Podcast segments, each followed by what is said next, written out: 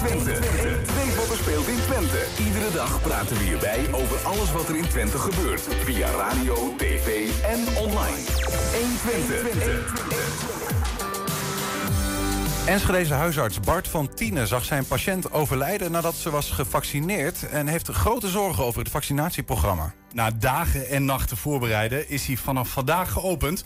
De natuurijsbaan in Hengelo. Marten Zandstra is skileraar in Oostenrijk, maar veel leerlingen zijn er nu niet. De pistes zijn nagenoeg leeg. En we hebben weer een keer live muziek bij ons in de studio. Hengeloze zangeres Max ten Tuscher.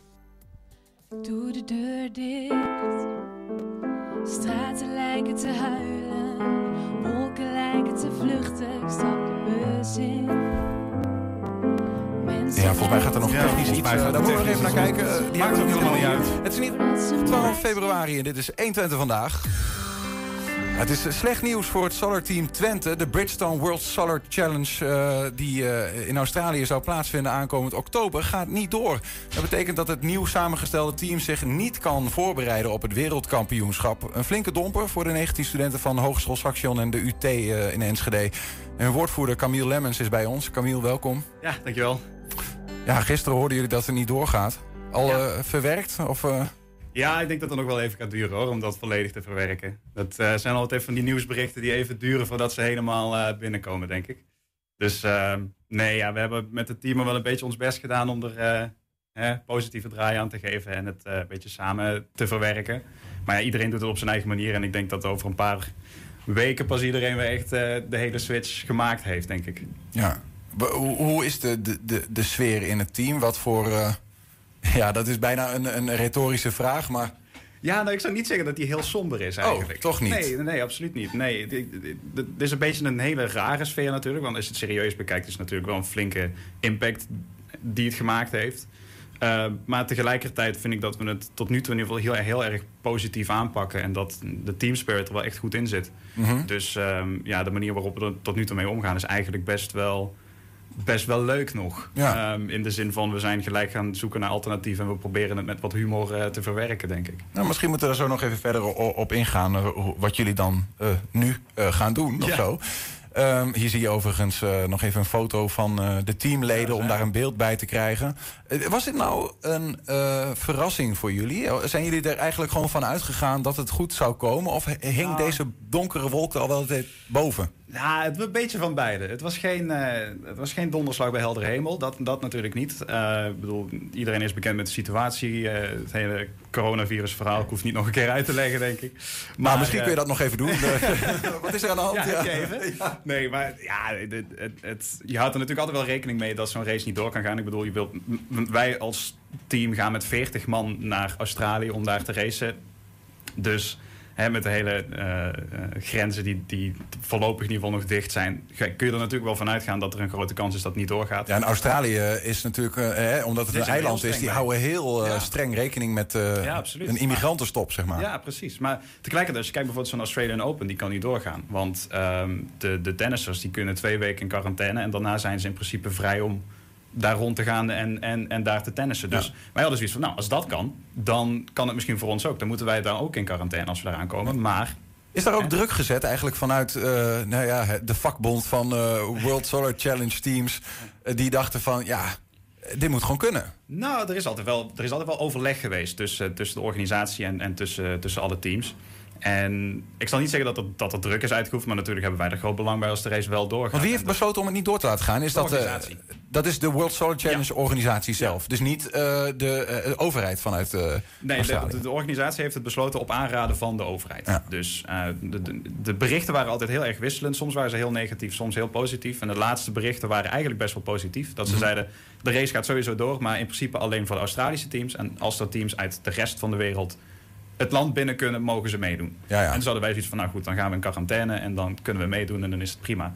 Ehm, maar Maar dan is uiteindelijk... het ook niet echt een World Solar Challenge als je, als je maar een selectie van teams Ja, nee, hebt. precies. right? Daarom. Maar ja, als je de belangrijkste teams bij elkaar hebt, dan kun je tenminste nog een beetje een competitieve wedstrijd houden. Ja.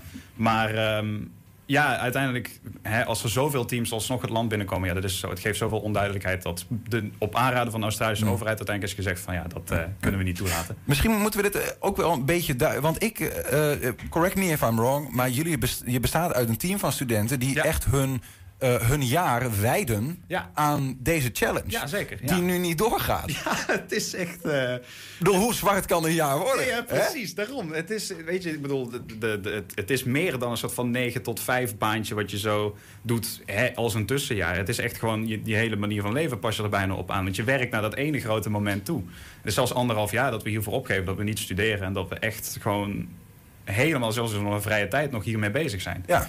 Dus ja, Wat, wat, wat, bijvoorbeeld jouw jaar. Jij begon, jij bent ingestapt ergens in augustus. Ja augustus, september, ja. ja. Ehm, dus een, een goed, nou ja, laat ik zeggen, eh, nou ja, een half jaar bezig. Ja. Wat heb je gedaan in het afgelopen half jaar? Eh, nou ja, ik was verantwoordelijk voor eh, evenementen, dus ik heb vooral dingen gecanceld. Maar En daarover verteld. Ja.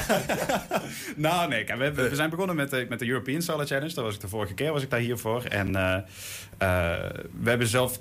Ik, was, dus- ik zit dus aan de marketing- en evenementenkant. En we hebben vooral gekeken naar goed, hoe kunnen we... ehm, een soort van kick-off lanceren, dat we het hele nieuwe team bekendmaken. En normaal gesproken doen we dat natuurlijk fysiek. En dan nodigen we wat belangrijke partners uit. En dan stellen we ons als nieuw team voor. Nou, dat kon niet fysiek, dus hebben we daar, dat in de vorm van een video moeten, moet- moeten doen.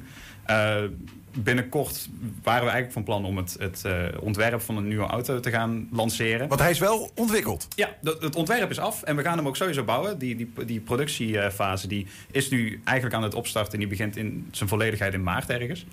Ehm, maar ja, weet je, we laten ons niet uit het veld staan. Die auto die gaan we in principe gewoon produceren. Maar Ja, maar dat doe je dan voor de katse viool. Of niet? nou, nou, nee, we gaan wel een alternatief zoeken waarbij we in ieder geval zeg maar, onszelf nog een beetje kunnen testen. Dus dat we niet zeg maar, zomaar een zonneauto bouwen en zo van ja, oké, hij is af, leuk, doe er maar wat mee.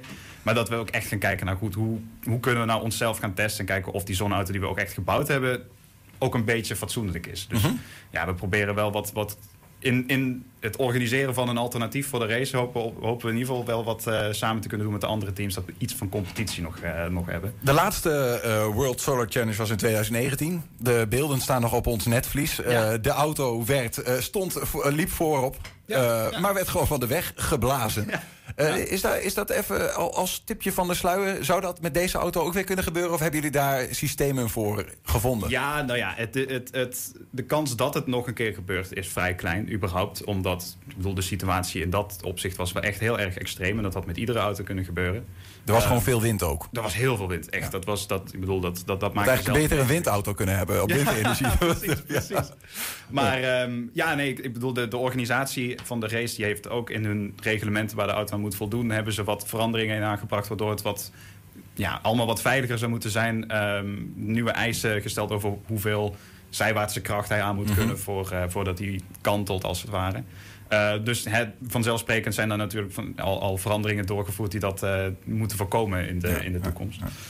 Maar ja, eh, ik bedoel, als het echt hard genoeg waait, dan kan alles natuurlijk. Maar ja, ik bedoel, dan ga je het echt van heel extreme situaties hebben die gewoon niet, eh, niet gaan voorkomen. Ja, ja. Het, eh, dus wa- wat ik ervan begrijp is van jullie hebben eh, een auto, het plan voor de ontwikkeling, die gaan jullie ook gewoon ontwikkelen. Ja. Die wordt dan waarschijnlijk ook gewoon ergens gepresenteerd. Ja, zeker. En dan gaan jullie een stukje A35 afhuren en dan daar. Ja, nou ja, we willen.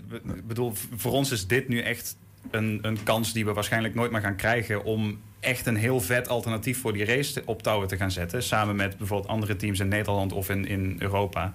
Dus we, proberen, we- gaan echt heel groot denken. En van hoe kunnen we nou zoveel mogelijk van die race in Australië eigenlijk hier in Nederland nabootsen. En ja, ik bedoel, hoe vet zou het zijn als we bijvoorbeeld met onze auto echt op de weg zouden kunnen. en echt 3000 kilometer door Europa bijvoorbeeld zouden kunnen reizen. En dat de volgende World Solar Challenge gewoon niet meer in Australië is. Dikke vinger naar jullie. Dan ben ik ja. van, nou, hier, hier kan het ook wel. Nou, dan, dan blijven we hier. ja, precies. Maar ehm, ja, weet je, we, we, de, we- de, echt de grootste ideeën komen langs en, en we gaan echt alles, alle ideeën die langskomen serieus benaderen van kunnen we hier iets mee en kunnen we echt een fatsoenlijk alternatief verzinnen voor, eh, voor de race. Zit je ook met, met, met andere teams vanuit Europa bijvoorbeeld in een appgroep of wat dan ook? Wat, wat wordt daar eigenlijk gezegd? Hoe is daar de? Da- da- nou, ik denk dat de wel een beetje hetzelfde is als hier in, eh, de- bij ons in het team. Van ja, goed, we gaan niet naar Australië, dus we moeten wel wat anders verzinnen. Want ik bedoel, we gaan, het niet, we gaan nu niet met de pakken neerzitten en van ja, dan gaan we maar niks doen. Nee, precies. Dus uh, nee, ja, de, de, de, de, de spirit is er wel om echt een heel vet alternatief te De energie die er was, uh, die moet nu gewoon ergens anders precies. in een ja. alternatief project worden ja, gestopt. Precies. Ja, ja. Ja, maar dat is, wat dat wordt, dat staat nog to totaal in de sterren geschreven. Dus dat, dat, is nog zo onduidelijk op dit moment, maar dat het, het gaat in ieder geval heel vet worden. Dat, is, uh, dat is zeker. Sterkte man. Dankjewel. En uh, veel creativiteit gewenst om, Ja, uh, om, je. om er alsnog op een of andere manier iets moois van te ja. maken. Ja, dat gaan we nodig hebben. maar- Camille Lemmens hoorde je van het Solar Team Twente. Dankjewel. Twentse winkels zijn nu een paar dagen onderweg met het Click en Collect. En er is in ieder geval één winkel in Enschede voor wie het bijzonder druk is geworden. Zometeen praten praten wij daarmee. Maar eerst na dagen en nachten van voorbereiden ging vanmorgen de ijsbaan aan de Van Alphenstraat in Hengelo open. Tientallen vrijwillige ijsmeesters konden hun emmertjes, boormachines en de Zamboni, dat is de ijsmachine, eindelijk omwisselen voor een paar hoge noren. En toen de baan om half elf vanochtend open ging, waren wij erbij. We zijn vandaag op de combi-schaatsbaan in Hengelo, die eindelijk open is. Maar hoe zal de opkomst zijn en wat zijn de voorbereidingen geweest? Nou, blij dat de schaatsbaan weer open is. Ja, eindelijk eh, zijn we open. Het heeft eh, de hele week eh, ontzettend veel werk gekost. Maar nou ja, je ziet het. de mensen die zijn lekker aan het schaatsen. Hebben jullie ook getwijfeld om open te gaan wegens corona? Getwijfeld, we hebben wel extra maatregelen moeten nemen. En we zijn heel erg blij dat de gemeente en ook dat de KNSB... dat die ons hebben geholpen om, om aan te geven op welke manier we veilig open kunnen. En nou ja, we zijn gewoon super blij dat het toch kan. En denkt u dat het een beetje een grote opkomst wordt? Of... Ja, ik denk het wel. We hebben elke avond om 6 uur eh, gaan de, gaat de website open om de reserveringen voor de volgende dag te doen. En eh, gisteravond binnen 5 minuten was alles vol. We denken dat er heel veel mensen zullen komen schaatsen komend weekend. Eh, wat is de laatste keer dat hier precies is geschaatst? Want het is natuurlijk een combibaan. Ja, klopt. We hebben twee jaar geleden hebben we één ochtend kunnen schaatsen. En ja, dit is echt alweer, nou, ik denk een jaar of vijf geleden... dat we echt een, een mooie ijsvloer hebben en dat we weten dat we een paar dagen kunnen schaatsen. Dus daar ben ik heel blij mee. En hoeveel uren werk zit hier precies in? Nou ja, we zijn de hele week eh, elke avond eh, bezig. En eh, eh, we zijn ook een hele dag bezig geweest met het sneeuwruimen. Dus er zitten echt heel veel uren in van iedereen. En eh, vanmorgen om 6 uur was de ploeg al actief om de ijsbaan voor te bereiden. Dus eh, ja, er zitten echt heel veel uren in. En kunt u uitleggen wat u hier precies doet? En wij proberen het mooi te maken. Ja, als je achter je kijkt, dan zie je allemaal die knoppels en die bobbels in het ijs. Dat is omdat maandag hier met drie trekkers hebben ze sneeuw eraf geschoven. Ja, toen hebben wij weer water erop laten lopen, maar het water komt van onder omhoog. Dus de bobbels gaan mee omhoog. Ja, het mooiste is als wij een boer hadden die een grote vacuümtank had, of zo'n stroomtank, weet je wel, vol met water. En dan van bovenkant opbouwen, dat is het mooiste. Ja, en daar zijn we nog met de Samboni aan de gang. De knoesten weghalen en van de bovenkant water opbrengen, dat die vlak wordt. En ga je zelf ook nog schaatsen? Jazeker, ik ga straks de schaatsen onderbinden. Dus dan ga ik ook even een rondje. Ja, zometeen hier live muziek van de Hengeloze zangeres Max Tentuscher. Sinds eergisteren mogen de winkels weer open met eh, dank aan de click- en collect-optie. Enschedeze winkeliers zijn blij, maar zeggen ook dat de traditionele manier van winkelen eigenlijk vele malen leuker is. Natuurlijk. Druk was het de afgelopen dagen door het weer ook niet echt, maar dat geldt niet voor alle winkels. Bij de HEMA aan het Van Heekplein was het namelijk bijzonder druk. We praten erover met filiaalmanager Johan Kampinga. Johan, goedemiddag. Ja, goedemiddag. Hoe zit dat? Konden de mensen de rookworst niet missen? Nou, de rookworst kunnen ze zeker niet missen. Die is nog even niet leverbaar. Oh. Maar er zijn zo ontzettend veel artikelen die klanten niet kunnen missen. Waarbij ze via het internet al veel konden bestellen. Maar nu ook eh, in de winkel de artikelen kunnen afhalen bij de deur. Maar het, het- is toch wel bijzonder. Wij spraken andere eh, winkeliers die zeiden, nou ja, mondje, mondjesmaat. Eh, en dan begrijpen we dat, dat jullie eigenlijk eh, s s'avonds na, als, na werktijd... dat er, er bijna rijen staan. Nou, rijden is misschien wel wat overdreven. Het loopt goed door, kan ik zeggen. En rijden moet ook niet. Daarvoor hebben we natuurlijk ook tijdsloten om de klantenstroom goed te kunnen reguleren. Dat houden we zelf ook in de hand. om te kijken hoeveel klanten we ongeveer per keer ook toelaten. Eh, maar het loopt de hele dag goed door. We kunnen de hele dag door de klantenstroom goed reguleren... zodat we niet rijen bij de deur hebben. Want dan hebben we natuurlijk weer het, de uitdaging met de anderhalve meter. Maar het is dus niet, niet die rookworst, zei je al, maar, maar wel andere dingen. Wat, wat bestellen mensen dan zoal? Waarvoor, waar hebben ze op gewacht, om het zo maar te zeggen? Nou, wat opvalt is dat klanten vooral ook veel gebak bestellen. Ook voor Valentijn, morgen zijn er veel bestellingen. Eh, dus morgen gaan er ook weer klanten, heel veel klanten komen voor eh, gebaksbestellingen. Maar we zien ook dat eh, andere Valentijn-producten ook besteld worden, ook telefonisch besteld worden. eh, en afgehaald worden vanmiddag al en morgen ook nog. En daarnaast zijn het heel veel artikelen die ook met de winter te maken hebben. Op dit moment handschoenen, thermo-ondergoed moet je aan dan aan denken. Oh ja, ja, ja, ja, ja, ja. Dat is natuurlijk ook, die willen mensen snel hebben. Precies. En daarvoor kunnen ze nu, als ze bellen, na vier uur al bij de winkel terecht en afhalen. En klanten eh, ja, geven ook aan dat ze dat zeer kunnen waarderen. En zijn ook erg tevreden met de manier waarop het gaat. Hoeveel, heb je een idee, hoeveel klanten eh, eh, hebben jullie dan op een dag die jullie zien bijvoorbeeld? Nou, op dit moment zit dat ongeveer op de 60 klanten, als ik kijk naar vandaag. Nou, als je dan 9 uur open bent, dan heb je wel een mooie verdeling van de hoeveelheid klanten per uur. En dat gaat, gaat prima. Hè. De, wat je net aangaf, aan het eind van de dag zijn er wel wat meer klanten. Wellicht heeft dat te maken met dat mensen overdag aan het werk zijn... en aan het eind van de dag nog even gaan halen. Maar toch loopt het de hele dag wel goed door. En ook voor morgen zien we de reserveringen al staan in de tijdsplanner. En ook daar zien we een goede spreiding over de hele dag... waarin we zien dat in de ochtend vooral ook gebak wordt gehaald... En dat is eigenlijk traditioneel zo. En over de rest van de dag de andere producten. Maar even 60 eh, nu. Eh, hoe- hoeveel is dat bij jullie winkel bijvoorbeeld normaal gesproken in een non-corona tijdperk? Ja, dan, dan gaan we het echt wel over vele honderden klanten hebben. Nee, dat, het is nog niet in verhouding. Het is nog niet in verhouding. Maar als ik dan kijk eh, dat we dinsdag nul klanten bij de deur hadden... alleen voor de pick-up point van DHL die we ook hebben. Maar voor de rest bij HEMA pakketten hadden we nul klanten. Dan is het voor de derde dag 60 klanten. Eh, vind ik een hele mooie groei. En zijn wij heel tevreden dat we deze klanten zo goed kunnen helpen. Groeit het ook vanaf woensdag? Is, eh, het dat, het dat er steeds meer mensen bekend worden met het fenomeen of wat dan ook? Kun je daar iets over zeggen? Ja. Ja. ja, we zien inderdaad een toename. Woensdag is dan eh, de opstart. Toen werden we ook al veel gebeld. En vanaf eh, gisteren en, eh, en vandaag ook zien we echt wel een toename in het eh, aantal klanten dat ons weten te vinden via de telefoon. Maar ook via de site pakketjes bestellen en dan in de winkel willen afhalen. Ja. Daarvoor kon het natuurlijk alleen thuis bezorgd worden. Ja. Ja, er zat een klein beetje vergoeding aan om het thuis af te laten leveren. Maar je kan het gratis laten bezorgen in de winkel en dan afhalen. En ja, we zien toch ook dat ja, zo'n eh 40, 50 klanten per dag voor die pakketjes komen. Gratis afhalen in de winkel. Dat is natuurlijk fantastisch. Ehm, nog heel even dat, dat proces. Hè. Ik, ik, ik wil bijvoorbeeld eh, die Valentijnstaart van jullie hebben. Ja. Ehm, en dan ga ik na- naar een website, neem ik aan. En dan moet ik dan zelf een, een voorkeurstijd... Ah, hoe werkt dat eigenlijk precies? Nou, als het dan gaat om gebak, dan ga je inderdaad naar de site, hema.nl. Daar kies je het gebak uit wat je graag zou willen hebben. Eh, dat betaal je 100% online. Vervolgens krijg je een mail dat de betaling is gelukt. En dan kun je ook een tijdslot kiezen waarop je het komt halen. Eh, en dat geldt ook eh, voor alle andere producten. Dan kun je kiezen, ik wil het thuis verzorgd krijgen. Hè? Gebak haal je af in de winkel. Andere producten kun je thuis laten bezorgen. Of je kan het eh, afhalen in de winkel. Ja.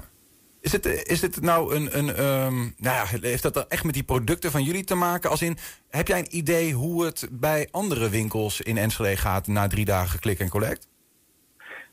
Nou, ik kan niet echt voor andere winkels spreken. Ik zie ook niet heel veel mensen op straat. Wel heel gericht komen ze naar de winkel toe. Ehm, hoe dat bij andere winkels eh, de klantenstroom gaat, eh, dat kan ik niet echt zeggen. Ik vind het wel opvallend dat de klant ons nog steeds eh, goed weet te vinden. En dat ze nog steeds ja, de HEMA nodig hebben. En daarvoor ook naar de winkel komen. En dat vind ik een, vind ik een heel mooi iets. Klanten reageren ook positief. Ook vaste klanten die even voorbij komen. Even zwaaien. En nou, succes. Ja. Leuk dat jullie dit weer kunnen doen. Dus eh, ja, de klant weet de HEMA echt nog te vinden. En zelfs, eh, zelfs in een eh, diepe, diepe diepvriestijd. Hè? Ja, Wat, wat eh, makkelijk bereikbaar is, eh, de binnenstad bijvoorbeeld ook niet echt per se voor iedereen natuurlijk. Nee, niet voor iedereen denk ik. Aan de andere kant, als ik zie hoe de paden zijn schoongeveegd... en ook vandaag heb ik de gemeentewerken weer druk bezig gezien... heb ik ze vier keer voorbij zien rijden met strooiwagens. Dus we zijn druk bezig om schoon te maken. Eh, morgen zal er weer markt zijn. Eh, ook op het plein is een groot stuk schoon. Dus ook morgen verwachten we zeker wel eh, diverse klanten in de binnenstad. En ja, de gemeente is zichtbaar bezig om de binnenstad ook schoon te maken. Ja. Om ook de toegankelijkheid voor de klant te waarborgen. Johan Kampinga van de HEMA in de Enschedeze binnenstad. Dus over die nieuwe klik- en collect, collect optie. Johan, dank je wel en veel succes de komende tijd. Geen dank, graag gedaan. Afgelopen dinsdag overleed een patiënt van Enschedeze huisarts Bart van Tienen na een coronavaccinatie. Fantine had al zorgen over het vaccinatieprogramma. En die zijn nu niet minder geworden. Ja, straks praten we met hem. Maar eerst, uh, ja, Niels, want die is verhuisd. Niels, waar sta je? Lianne, ik ben een uh, ruimtetje verderop gegaan naar onze grote studio.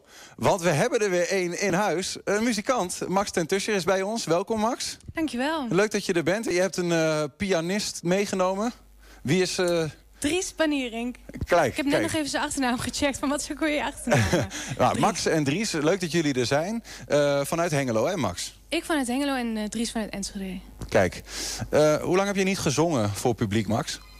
Oeh, ja, dat is echt wel een hele tijd uh, geleden. Ja. Ik heb wel in de coronatijd nog optredens gedaan, zeg maar, toen het weer mocht. In de zomer een beetje, maar ja, sindsdien ook niet meer. En dan zing ik thuis ook niet echt of zo. Dus nee, omdat je niet kunt optreden, is het ja. ook te oefenen wat minder geworden. Ja, je hebt gewoon niet iets om uh, echt naar toe te werken. Of, dus dan heb, mis je ook een beetje die energie om te repeteren. En ja, als je gaat repeteren ben je ook weer met meer mensen samen. Dus dat kan dan ook weer niet. Dus Hoe blij was je dan dat je van ons een uitnodiging kreeg om ja, hier te zingen? Ja, heel erg blij. ja, echt. En heel verrast. Ik, eh, ja, en heel erg... Uh, enthousiast dat ik hier mag komen. Toen heb ik direct uh, Dries gevraagd. Het was ook een hele tijd geleden dat wij uh, samen iets hebben gedaan. Dus. Ben je dan nu ook extra gespannen eigenlijk? Want normaal ja. Ja, ben je wat ge meer gewend om voor publiek te staan. Hier is niet veel publiek, maar de mensen thuis kijken mee. Ja, ik ben er wel gespannen. Want het is ook de eerste keer dat ik zoiets doe in een radioshow. Dus uh, ja, dat ben ik zeker. ja. Ja, ja. En als je dan de afgelopen tijd weer wat... Uh, dan ben je vast veel aan het oefenen geweest. Dat neem ik dan even aan. Hè. Uh, in de douche wordt wat meer gezongen. De buurman wordt al gek bij van. of niet, dat horen we straks. Um, is het dan ook, merk je dan ook dat het bijna therapeutisch... een soort van relief is dat je weer even mag zingen? Ja, eigenlijk wel, ja ja, gewoon uh, eindelijk weer je hobby uitoefenen. En het is wel leuk uh, als er nou wordt geluisterd door mensen die het ook echt willen inderdaad. Want de buurman en mijn vriend worden denk ik ook niet altijd uh, vrolijk van. en hier hopelijk wel, degene die luisteren, hoop ik dan. ik ben ontzettend benieuwd. Ik heb alvast even, toen je aan het oefenen was, vanaf de redactie hoorde ik wat. Beloof veel goeds. Wat ga je voor ons zingen? Drie nummers, verspreid door de show. Dus we beginnen met Onderweg van Abel. een beetje een fout nummer eigenlijk van oorsprong, maar we hebben een beetje eigen draai aangegeven. Kijk, dat gaan we als eerste horen. Abel met Onderweg door uh, Max ten Tusschen. Yes. Veel plezier. Dankjewel.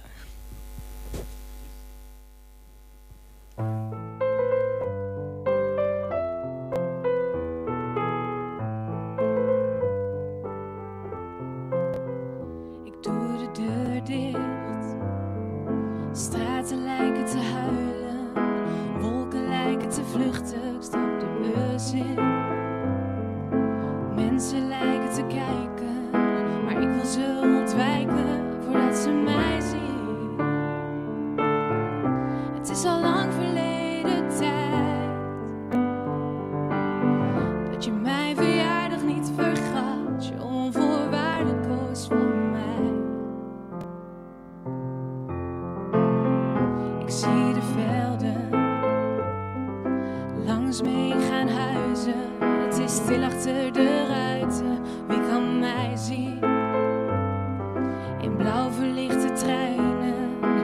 hart is zo dicht bij me, maar het klopt niet. Het is al lang verleden tijd. Je zwarte haren en je lach, dat je heel de wereld voor mij was. Het zit nog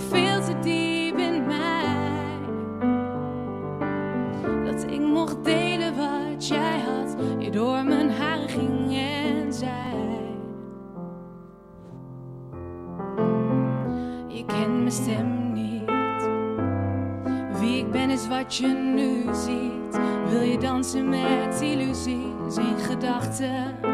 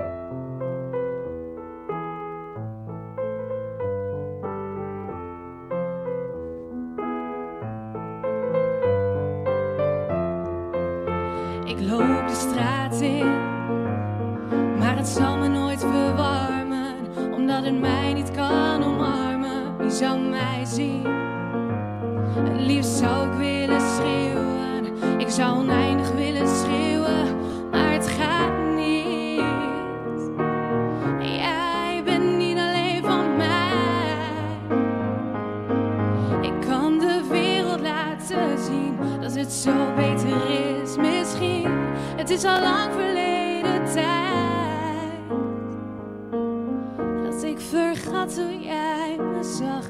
Dat ik zo anders ben dan jij.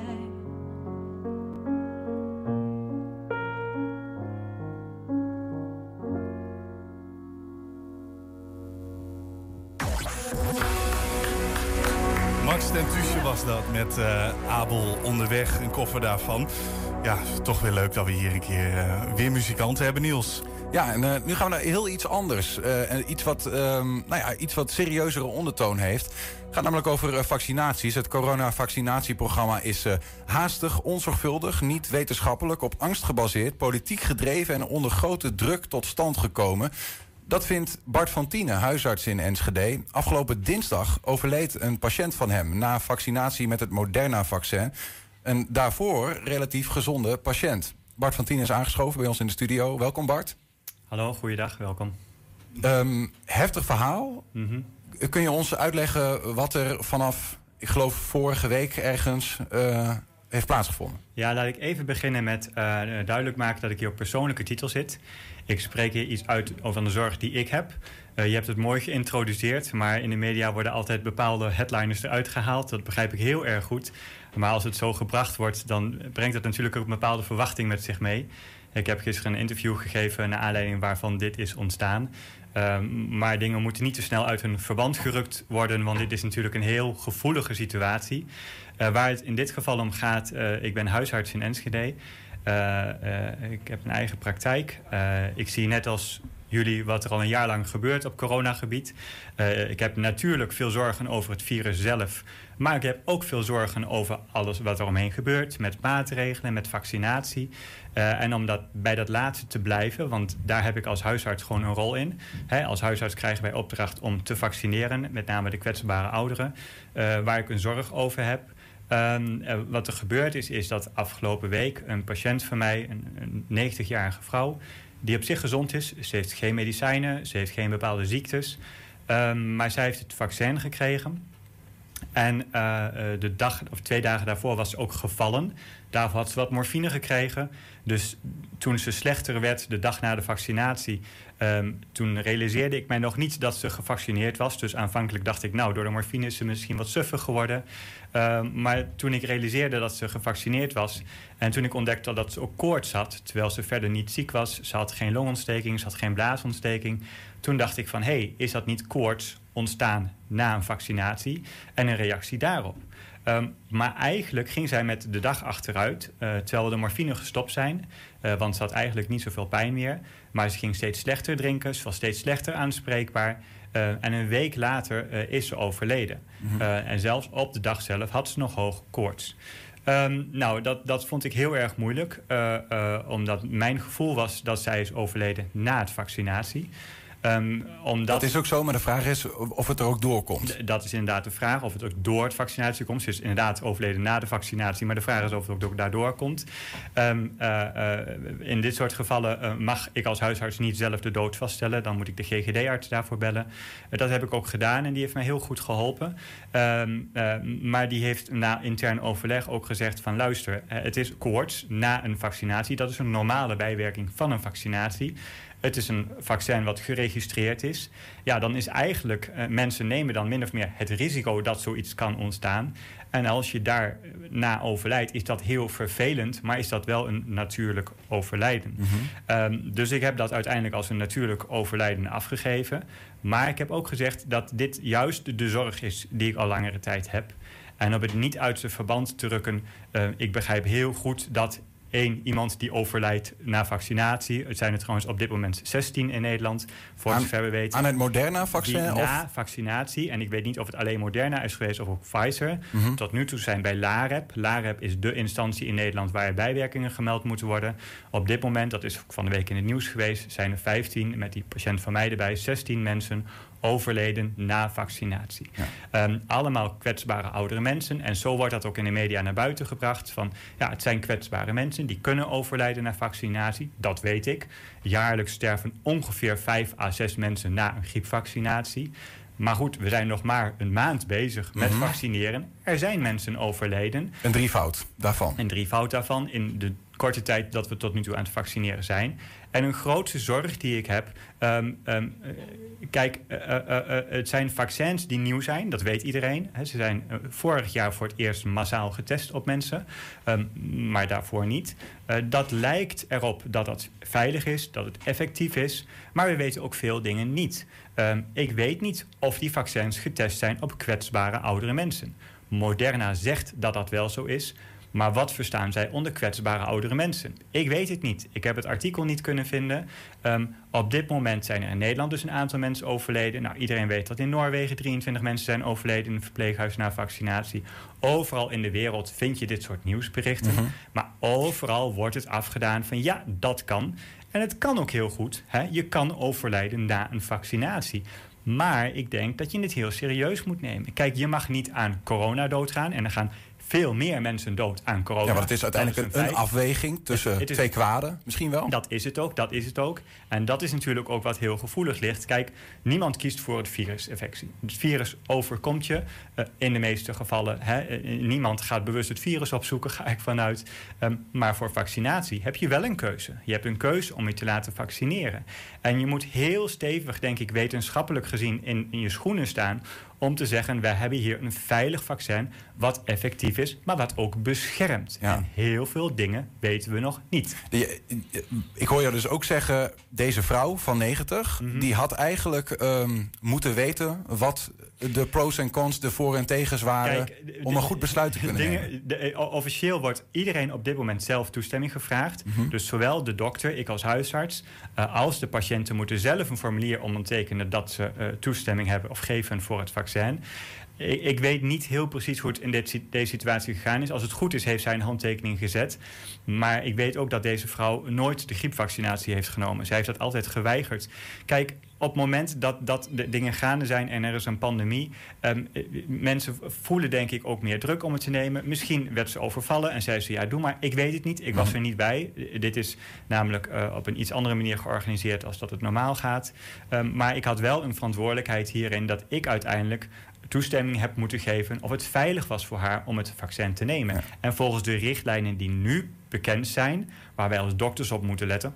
was het op dit moment geen reden om het haar niet aan te bieden. Nee, maar je zegt ergens ook, ik heb misschien ook wel te weinig eh, data om voor mezelf te kunnen bepalen of ik het veilig Nou, genoeg er vind. is te weinig data en dat weet iedereen. Kijk, het is getest, die vaccins, over het algemeen op gezonde jonge mensen. Mhm. Ook wel op oudere mensen met bijkomende ziektes. Maar over het algemeen ziektes die goed behandeld worden.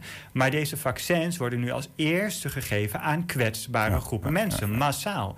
En daar is het vaccin niet voldoende op onderzocht. En je kunt zeggen van dat risico nemen we. Hè? Want het is een pandemie. Er gaan duizenden mensen dood. Dus we moeten een risico nemen. Dat, dat snap ik. Maar dat neemt niet weg dat ik daar wel een hele grote zorg over mag hebben. Met name als het gaat om nieuwe vaccins. Met name als je ziet dat er ook mensen aan een vaccin overlijden.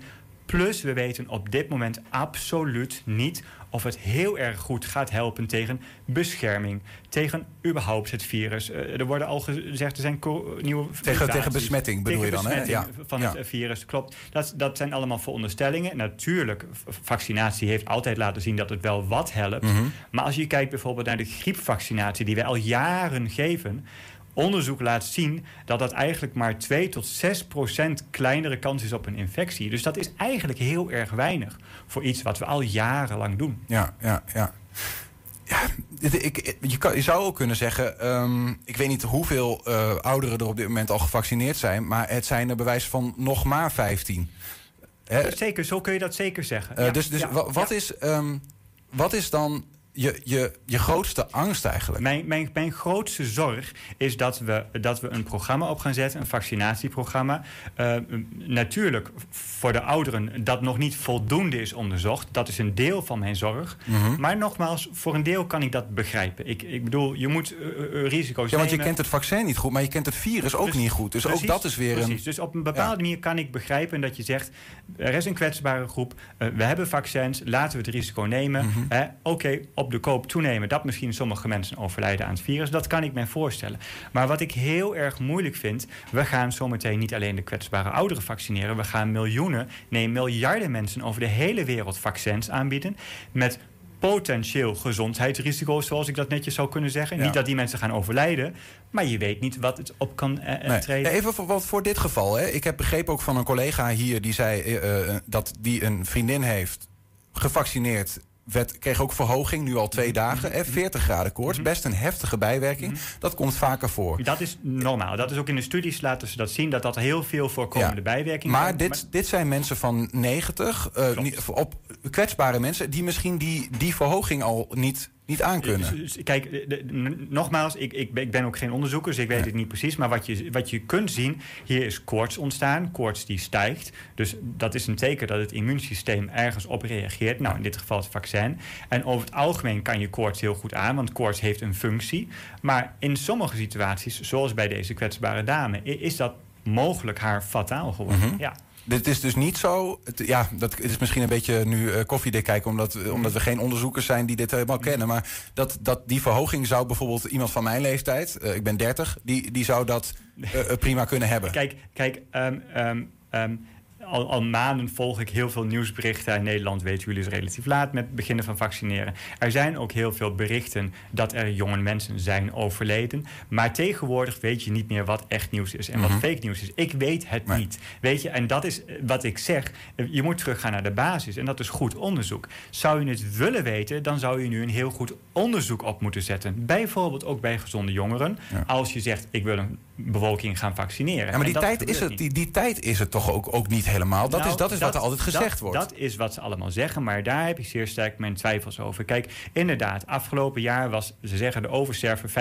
15.000 mensen. Nou, eh, dat is heel erg veel mensen. Hè? Eh, naast natuurlijk eh, alle maatregelen die er Mhm. genomen zijn. Dat moet je goed berealiseren. Er zijn heel veel maatregelen genomen. En alsnog die En oversterfte. alsnog die oversterfte. Maar je weet ook dat ongeveer 90, 95 procent van de mensen die positief getest is, geen ziekenhuisopname heeft gehad.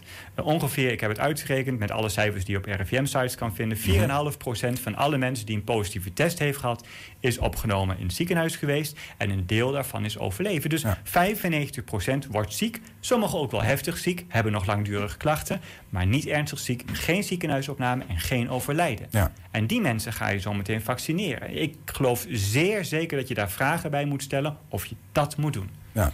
Ja, terwijl je, het, als je die percentages tegenover elkaar zet... Ik, ik, nogmaals, ik weet niet, er zijn er nu 16 overleden... hoeveel dat op het geheel is. Dan zou je ook daarin weer kunnen zeggen... ehm, ja, als je niet vaccineert... overlijden er ook eh, mensen, ook van eh, misschien... Dus Zeker, dus ik wil ook niet de nadruk leggen op, op, op, op zeg maar, deze patiënt van mij die is overleden. Dat vind ik heel erg moeilijk natuurlijk. Ik heb ook met die families te doen. Ehm, maar ik zie dat zeker wel in een breder perspectief. Maar het is voor mij wel een zorg, een, een soort bevestiging van een zorg die ik al langere tijd heb. Dat ik zeg van jongens, laten we niet de basis vergeten. En dat is goed wetenschappelijk onderbouwde ondersteuning van zo'n programma. Ja. En daar heb ik heel veel vragen bij. En ik denk dat er zeker mogelijkheden zijn om dat beter aan te pakken. Maar dat wordt Hoe, niet hoe kan gedaan. dat eigenlijk? Want, want ehm, eh, wat ik ervan begrijp, en ik ben echt een leek... maar ik heb wel eens een video van NOS op 3 gezien... over hoe vaccins tot stand komen. Die zeggen er zijn een aantal fases. Mhm. En die fases moeten doorlopen worden... voordat onze Europese waakhond zegt... dit vaccin mag je gebruiken. Kijk, da- laten we vooropstellen, dat is goed gegaan. Ja, ik heb dat allemaal gevolgd als dokter natuurlijk, omdat het, eh, ik moet die vaccins geven. Dat is allemaal correct gegaan.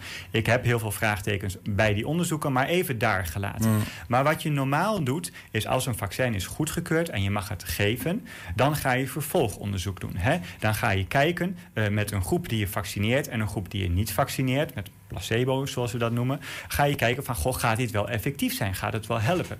We hebben afgelopen jaar als huisarts voor het eerst een pneumokokkenvaccin gegeven. Nou, daar is een vierjarige studie aan vooraf gegaan, minstens vier jaar. 80.000 mensen zijn daarin meegenomen.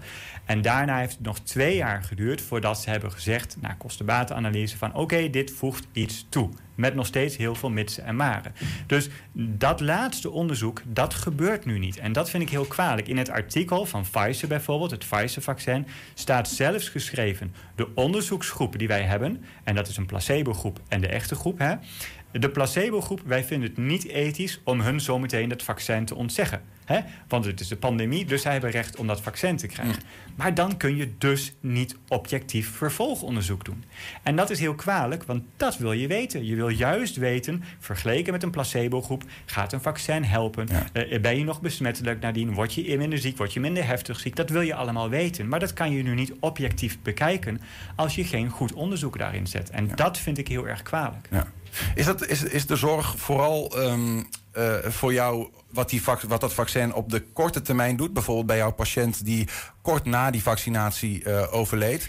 Of is het, is het, is heb je ook zorgen wat dat met over de langere termijn ja, doet? juist de langere termijn. Kijk, dat is wat heel veel uit het perspectief niet, uh, wat niet goed gezien wordt. Um, uh, we gaan nu massaal vaccineren. Hè?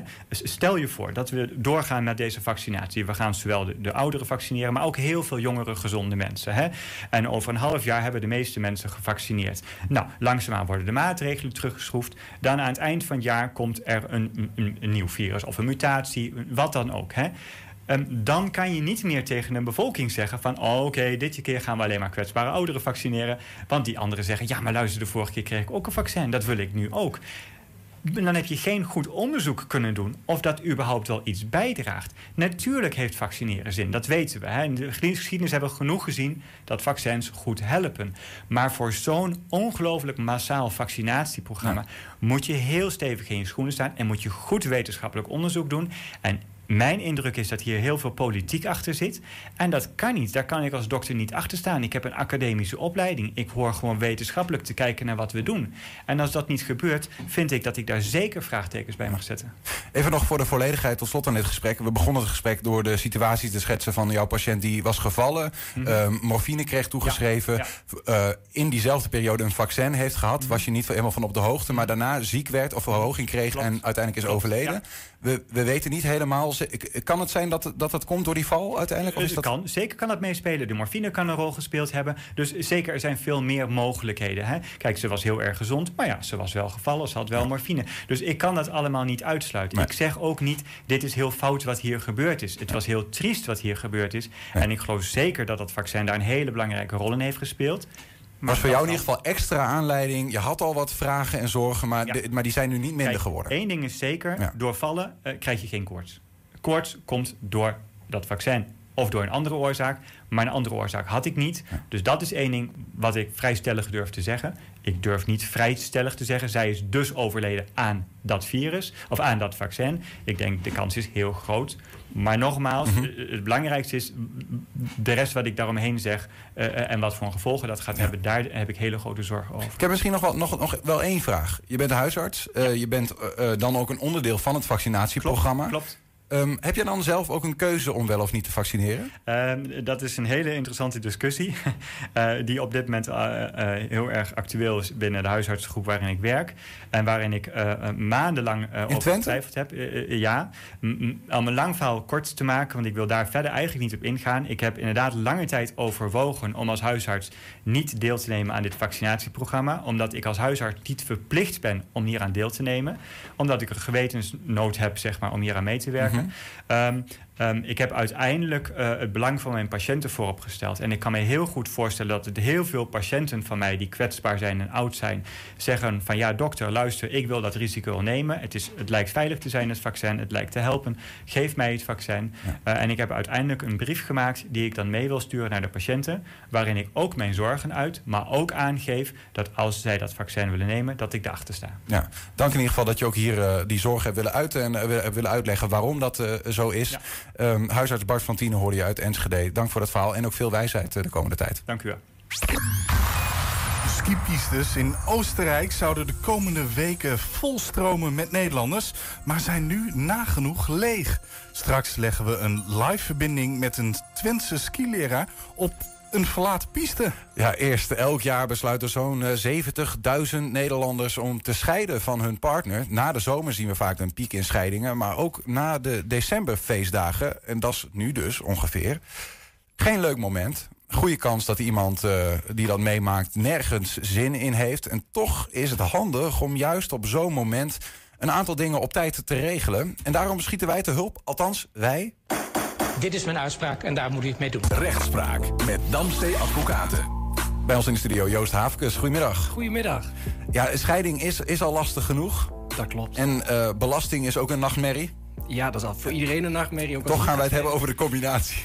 Ja. Is dodelijk, hè, dit? Ja, het is heel dodelijk. Maar het is wel heel, heel belangrijk. Ja. Um, want het gaat, kan om heel veel geld per maand uh, gaan. En ze, het maakt niet uit of je nou rijk of arm bent. Mm -hmm. Er zijn gewoon heel veel gevolgen. Het is een beetje een ondergeschoven kind. Maar daarom, nou ja, ik kom hier wel vaker. Dus daarom ja. vind ik het toch belangrijk om het een keer over te hebben. Ja, want je zegt het gaat over heel veel geld. Duid dat is. Voor, voor, voor een persoon of een huishouden wat uit elkaar gaat. Als zij het allemaal goed doen...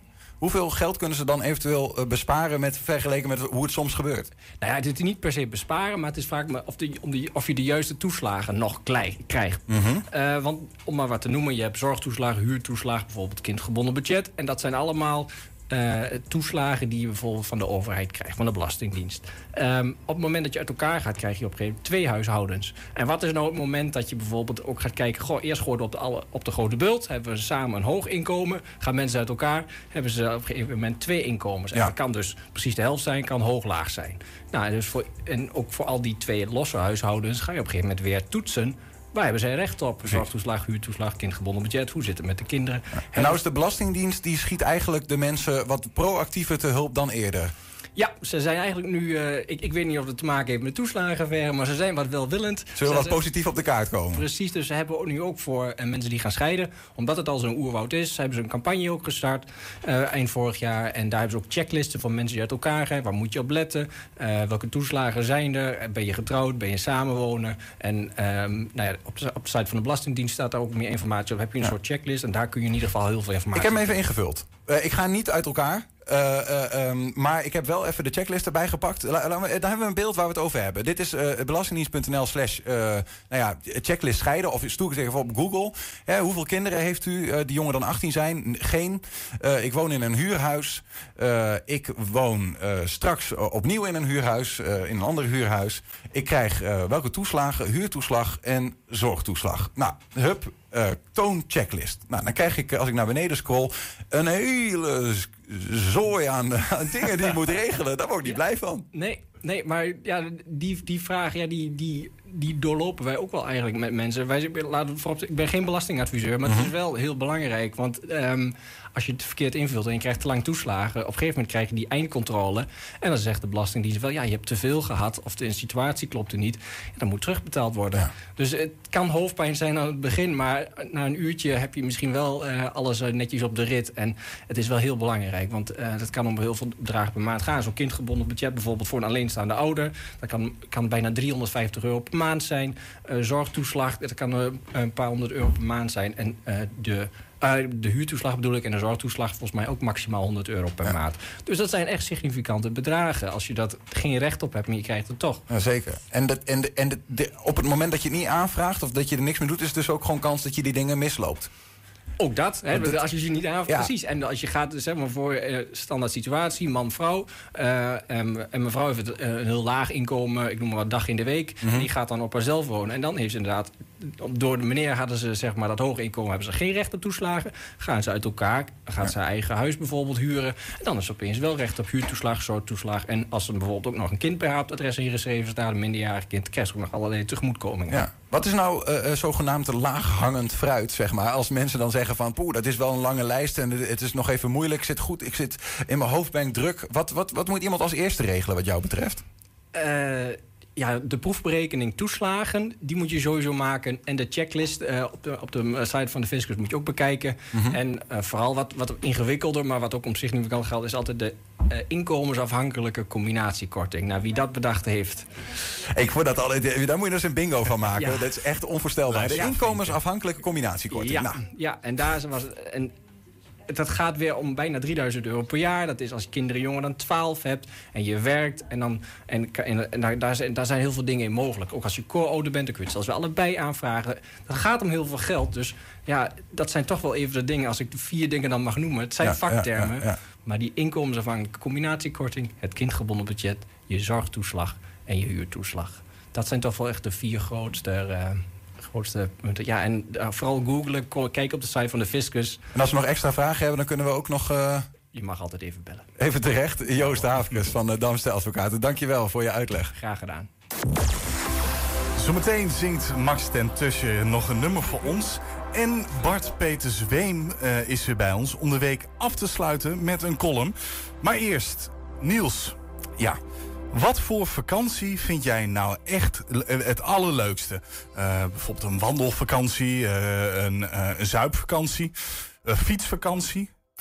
Of een wintersport misschien? Wat oh ja, die zou je jij bijna leukst? vergeten, omdat het Ja. ja. niet mag. De, nou, de, daar ga ik toch voor die laatste wel. Want ik ga liever, denk ik, een week op wintersport... dan drie weken op zomervakantie. Oké, oké. En, en heb je dan zelf ook op een klas gezeten? Of, of ben jij een natuurtalent, Ja, zoals je je wel eens eh, eh Ik ben voordoet? een autodidact, hè. Dus ehm, ja. Nee, ik, heb een, eh, ik heb heel lang geskateboard. eh, van mijn twaalfde tot mijn twintigste Oké. ongeveer. En als je dat hebt gedaan, dan kun je bijzonder goed snowboarden ook, eh, merkte ik. Toen ik op, op de sneeuw, zeg maar, ging staan met een, met een soort van snow, skateboard zonder wielertjes. Dat ging meteen best wel goed. Dus ik, ja, dat, ik heb daar nooit echt expliciet les in gehad of zo. Oké, en, en, en skiën ook niet? Skiën misschien wel ooit. Maar dat is echt wel heel lang terug. Ik weet niet Ja, meer. ja, want iemand die wel alles op de lange latten kan... dat is Marten Zandstra, skileraar momenteel in Fieberbrunn in Oostenrijk. En hij is aan de Marten, goedemiddag. Ja, hallo. Hoi. ja, eh, zoals je net al hoorde, twee grote wintersportfanaten in de studio. Mogen we een beetje jaloers zijn op jou? Of, of is het daar gewoon helemaal niks aan? Nou, het is natuurlijk eh, heel rustig hier. Dat eh, staat natuurlijk bovenop. Maar ehm, ja, je kan jaloers zijn. Dat is natuurlijk net wat je eigenlijk graag wil zien eigenlijk. Maar het is, het is rustig, ja, zeg je, Martin? Is het, is het rustig met Nederlanders of is het überhaupt rustig? Het, is, zijn geen toeristen. Dus eh, Nederlanders die zijn hier eigenlijk, eh, als ze hier überhaupt Nederland zijn, zijn ze hier om te voor werk.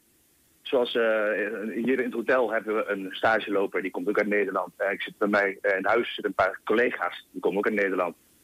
Het allemaal dezelfde intentie als hier, maar over het algemeen is het niet helemaal de bedoeling om hier als buitenlander naartoe te komen. Ja, wa- wa- wat kun je dus nog wel doen als skileraar dan? Of heb je nog wat Oostenrijkers wat langskomen? Of hoe zit dat?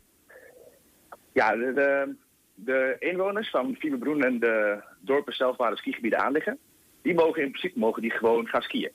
En als die les willen, dan zou dat dus kunnen. En, en, eh, En voor, de, voor de rest niks? Nee, voor de rest is er niet veel. Oh, we zien hier nu plaatjes. Eh, eh, dat zijn foto's die, eh, die je volgens mij aan ons hebt eh, aangeleverd vanuit waar jij zit. En ik ga eventjes verwerken hoor, dat ik hier zit. dit, doet- dit doet zeer, eh, Oh, maar dit is gewoon die diepe sneeuw. Die is gewoon helemaal maagdelijk wit. En die blijft dat ook als er gewoon niemand is. En dat is heerlijk toch voor jou dan als skileraar? Ja, het is, ehm, het is heel erg fijn natuurlijk, want je bent helemaal alleen op de piste. Je hoeft geen eigen druk om te maken. Je kan gewoon eh, lekker sporten en je kan gewoon lekker een beetje fit blijven en je ding doen. Maar aan de ene kant is het ook wel weer heel vervelend, want het, het lesgeven, dat, dat, dat mis je wel echt. Want het is echt wel een ding waarvoor ik hierheen ben gegaan. En dat is dan wel een groot gemis. Hoe lang doe je dat al? Hoeveel, hoeveel jaren op rij heb je dat gedaan? Eh, dit, dit zou mijn vierde winter zijn. En hoe, hoe lang zit je daar dan? Eh, ja, dan zit ik hier. ehm, eh, normaal gesproken zit ik hier gewoon vanaf begin december tot aan eh, begin april. Zo ongeveer. En, dat is natuurlijk wel eh, dit jaar en vorig jaar een klein beetje anders geweest. En, en naast het skiën eh, is de wintersport ook best wel bekend om een lekker drankje op zijn tijd, eh, lekker hapje eten tussen de middag. Is er ook wel wat open voor jou? Of zit jij echt helemaal geïsoleerd in een, in een hotelkamer met de andere docenten? Ja, dus ehm, de apres-ski is natuurlijk gewoon gesloten het hele jaar. Dat is gewoon, dat hebben ze van het begin van het seizoen hebben ze dat er al doorheen gegooid. Maar eh, als jij bijvoorbeeld op de piste bent de hele dag en je krijgt eh, trek in iets, dan zijn er wel afhaalpunten ehm, bij verschillende restaurants waar je wel een hapje kan halen. En waar je dan 50 meter verderop jouw, uh, je schnitzeltje of je curryworst kan opeten.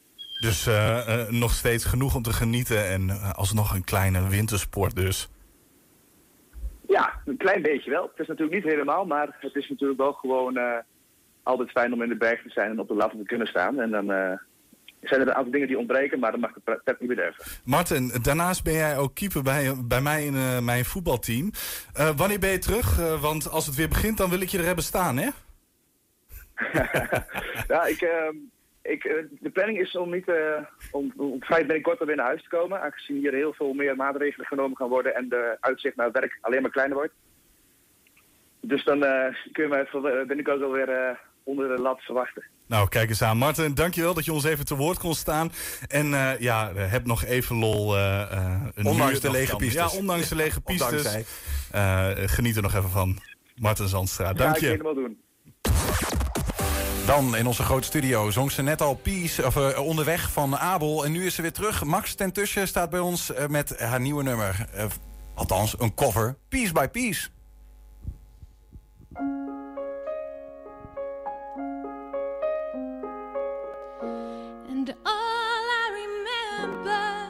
Is your back.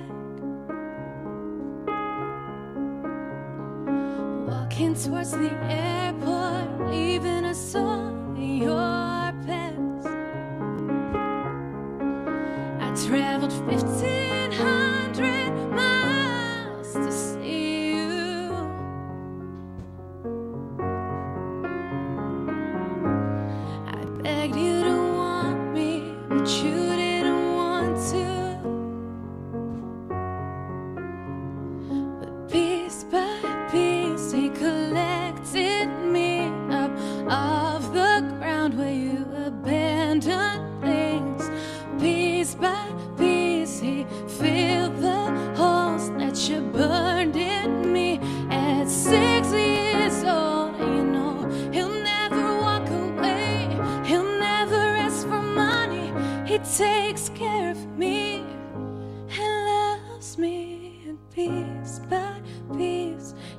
restores my faith that a man can be kind and a father could stay.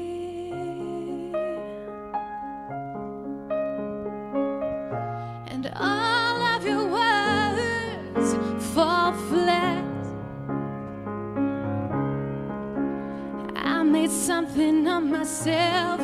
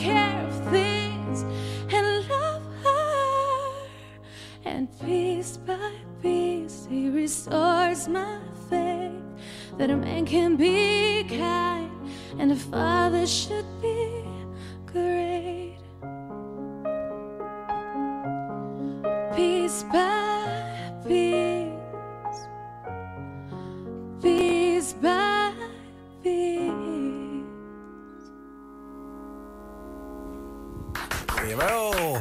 Met een eh, cover van Kelly Clarkson. eh, piece by Piece was hier eh, Max ten tussen. Zometeen hoor je er nog even eh, vlak nadat we officieel uit de uitzending zijn. Blijf lekker hangen. Maar we gaan eerst nog naar onze columnist... die hier eh, piece by piece in één piece naartoe is gekomen, gelukkig. Bart Peter Zweem. Ja, één heel stuk. Ja, dus vorige week eh, was Eén. hier geen stuk. Dus vorige week, eh, eh, eh, toen sneeuwde... eh, wat, wat was er vorige Dat week? weet ik niet meer. Vorige week Ik was, was Bart op afstand. Ik was er wel, toch? Was op afstand, op afstand Oh was ja, hij er. dat was dat. Ik dacht dat was al twee weken geleden. Ja, ik, was, ik, was, ik was toen verstandig om binnen te blijven. Ik heb het vandaag ook overwogen. Met de warme truiendag.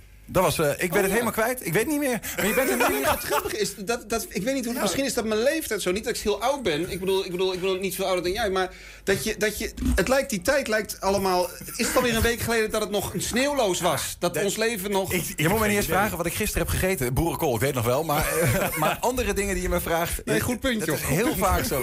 En ik ben niet eens gevaccineerd. Eh, ehm, goed, Bart, welkom terug. Ja, Doe je dank rollen. Beste luisteraar, sneeuw! U zult zeggen, joh, je meent het. Ja, maar dit is de eerste keer dat ik u sinds afgelopen vrijdag weer spreek. Dus sneeuw, daadwerkelijke sneeuw. We waren vergeten dat het bestond. Vergeten hoe zacht het was, hoe wit het was... en hoe ranzig het kan worden. Gadverdamme. Begrijp me niet verkeerd, het begon prachtig. Ik heb in plaats van Netflix zelfs een tijdje naar buiten gekeken. Ik ben naar buiten geweest en heb lopen dartelen door de sneeuw. Ik heb geen idee hoe dat precies moet, dartelen... maar ik weet wel dat hoe ik door de sneeuw bewoog... dat kon je geen lopen meer, moet noem, meer noemen. Dat moet dartelen zijn geweest. Er was geen straat meer, geen stoep, alles was gelijk wit. Wat een totaal vredige zen-balanstoestand. Ik was bijna zelf in kleermakerszit in de natuur gaan zitten om te mediteren. Gelukkig was het daar veel te koud voor. Notabene was ik te druk met het maken van een sneeuwbal. Dat was niet te doen. Wat is dit voor sneeuw? Heeft iemand het bonnetje? We moeten terug naar de producent. Van sneeuw hoor je sneeuwballen te kunnen maken en sneeuwpoppen. Maar wat ik heb staan doen lijkt voornamelijk op melkpoeder snuiven. Hoe andere mensen hier iets van maken wat op een sneeuwpop lijkt, ik weet het niet. Ik verdenk ze ervan om stiekem een basis van peurschuim te hebben gebruikt. Of nee, die mensen hebben oma gebruikt als basis, ik weet het zeker. Dat is niet zielig. In het terhuis had ze het corona gekregen. En dat waren alleen nog maar de sneeuwpoppen. Hè? Er zijn mensen die hele iglo's hebben gebouwd. Wie zijn dat voor magische figuren die dat doen? Ik weet het zeker. Elsa's bestaan. En als u die verwijzing niet begrijpt, is dat een generatiekloof. Laat gaan, laat gaan. Dus ik kon niks maken van de sneeuw, maar ik kon er nog wel van genieten. En eindelijk had mijn sneeuwschop ook bestaansrecht recht. Eigen stoep eerst. Joh, ik heb net gefietst, ik zit te hakkelen hier. Maar dat krijg je ervan. En vooruit, ik heb ook even de buren geholpen met hun auto. Blijkt toch niet zo'n goed idee, hè, met de auto naar de supermarkt één straat verder. Maar ik hou mijn mond. Naberschap is samen in de sneeuw tegen een auto duwen. Dus al met al een paar dagen heerlijk genieten. Tot je op een gegeven moment zelf ergens heen moet. Bijvoorbeeld naar de studio. Enschede Fietsstad Mereet. Dat zijn geen fietspaden meer, dat zijn hinderlagen. Waarom zijn autowegen wel vrij en fietspaden niet? Misschien omdat ze moeilijker zijn, ik weet het niet. Dat fietspad door de sneeuw gaat nu ineens over het gras. Wat is dat voor straatanarchie? Hele gazon naar de tering. Dat zijn de momenten waarop ik ga denken... nou, misschien is het wel weer mooi geweest met die sneeuw. Het mag wel weer gaan dooien. Helemaal als je kijkt hoe het er nu allemaal uitziet. Dat naast de weg is geen sneeuw meer. Dat is een soort afgewerkt motorolieschuim. Volgens mij kunnen we die uitlaatgassen beter weer inademen... dan dat het in de sneeuw gaat zitten, want dit ziet er echt niet uit. Maar oké, ik blijf al gewoon in de, eh, uit de buurt van die vieze zwarte sneeuwhopen. Ik blijf op de stoep lopen. Ik volg wel de gele markering. Nooit geweten dat er zoveel honden woonden in deze straat.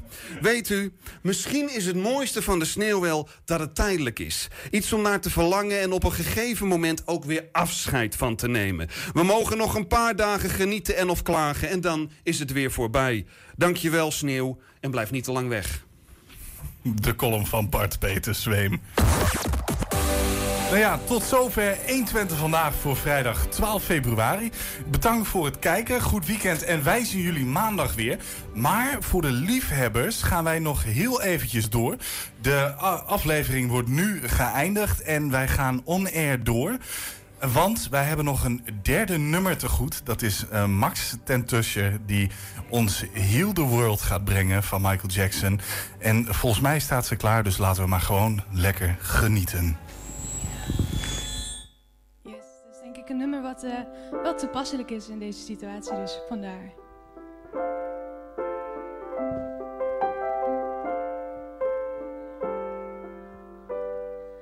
There's a place in your heart, and I know that it is love. And this place could be much brighter than tomorrow. And if you really try you'll find there's no need to cry. In this place, you feel there's no hurt or sorrow. There are ways to get there if you care enough for the living. Make a little space to make a better place. Heal the world and make it a better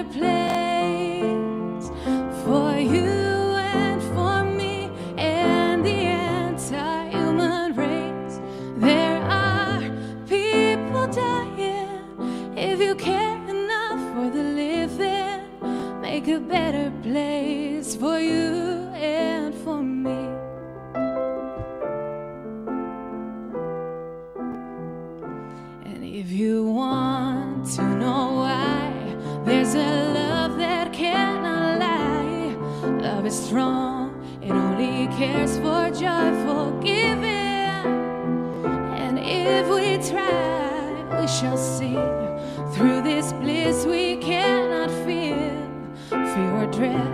stop excited.